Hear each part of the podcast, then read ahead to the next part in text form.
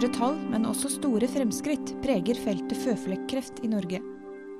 Velkommen til tidsskriftets podkast for nummer 20 2013. Hyppigheten av maligne melanomer i Norge er blant de høyeste i verden, og den er stigende. Hvert år får 1500 nordmenn diagnosen føflekkreft. Sydenturen i vinterhalvåret er forklaringen i mange tilfeller, forteller professor Jørgen Geisler. Eh, for de aller fleste eh, pasienter eh, vil det være intermitterende og intens eksponering til UV-stråling, altså soling. Og Typisk å nevne er da den sydenturen i vinterhalvåret, hvor huden ikke er klar til å takle så mye UV-stråling. For noen få pasienter så vil man også ha genetiske årsaker som bidrar til utvikling av melanom har det hovedsakelig å nevne mutasjoner i gener som beskytter mot kreftutvikling, som f.eks. CDK-N2A eller CDK4-genet. Slike mutasjoner er også beskrevet i Norge. Geisler er spesialist i onkologi og stråleterapi, og er førsteforfatter av en oversiktsartikkel om malignt melanom i tidsskriftet. I artikkelen beskrives kliniske kjennetegn nærmere og den kliniske vurderingsmetoden ABCDE-regelen. For pasienter i høyrisikogruppen kan helkroppsfotografier være aktuelt. Utvalgte pasienter som har veldig mange uh, påfallende føflekker, de burde ta kontakt f.eks. med en helse min hudlege, hvor man kan ta bilder av, digitale bilder av føflekker. Og så kan man følge disse føflekkene over tid, og man kan oppdage muligens forandringer i disse tidlig. Problemet er jo at en pasient med veldig mange føflekker, uvanlige føflekker, her kan man ikke på en måte velge å fjerne alle føflekker. Her må man følge med. Er diagnosen malignt melanom den sikre død? Nei, på ingen måte. Eh, faktisk har veldig mange pasienter eh, dersom de oppsøker lege tidlig nok, en god eh, sjanse å bli frisk. Og det er bare med adekvat kirurgi. Ca. 80-90% blir helbredet med kirurgi i dag.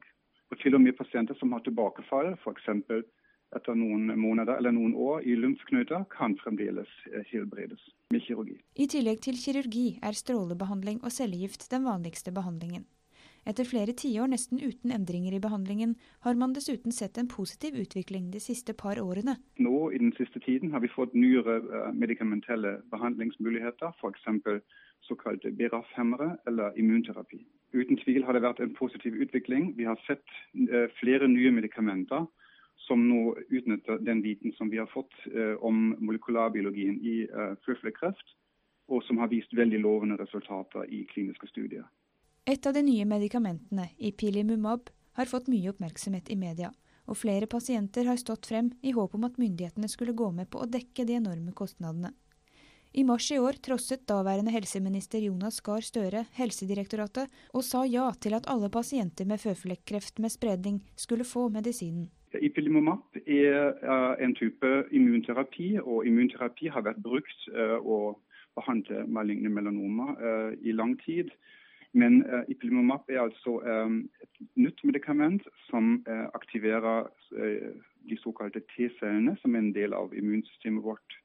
Og På den måten kan man få kraftige effekter hos noen pasienter mot malignende melanomespredning. Eh, medikamentet har vært brukt i Norge i form av kliniske studier, og skal også nå i fremtiden uh, brukes i form av en nasjonal uh, fase fire-studie. Vi som kreftspesialister er jo veldig takknemlige at medikamentet kommer nå inn som en ny behandlingsmulighet og som et nytt verktøy. Så vi, vi hilser medikamentet selvfølgelig velkommen. Geisler og de tolv andre forfatterne av artikkelen i tidsskriftet er alle medlemmer i Norsk melanomgruppe og har bidratt til Helsedirektoratets retningslinjer.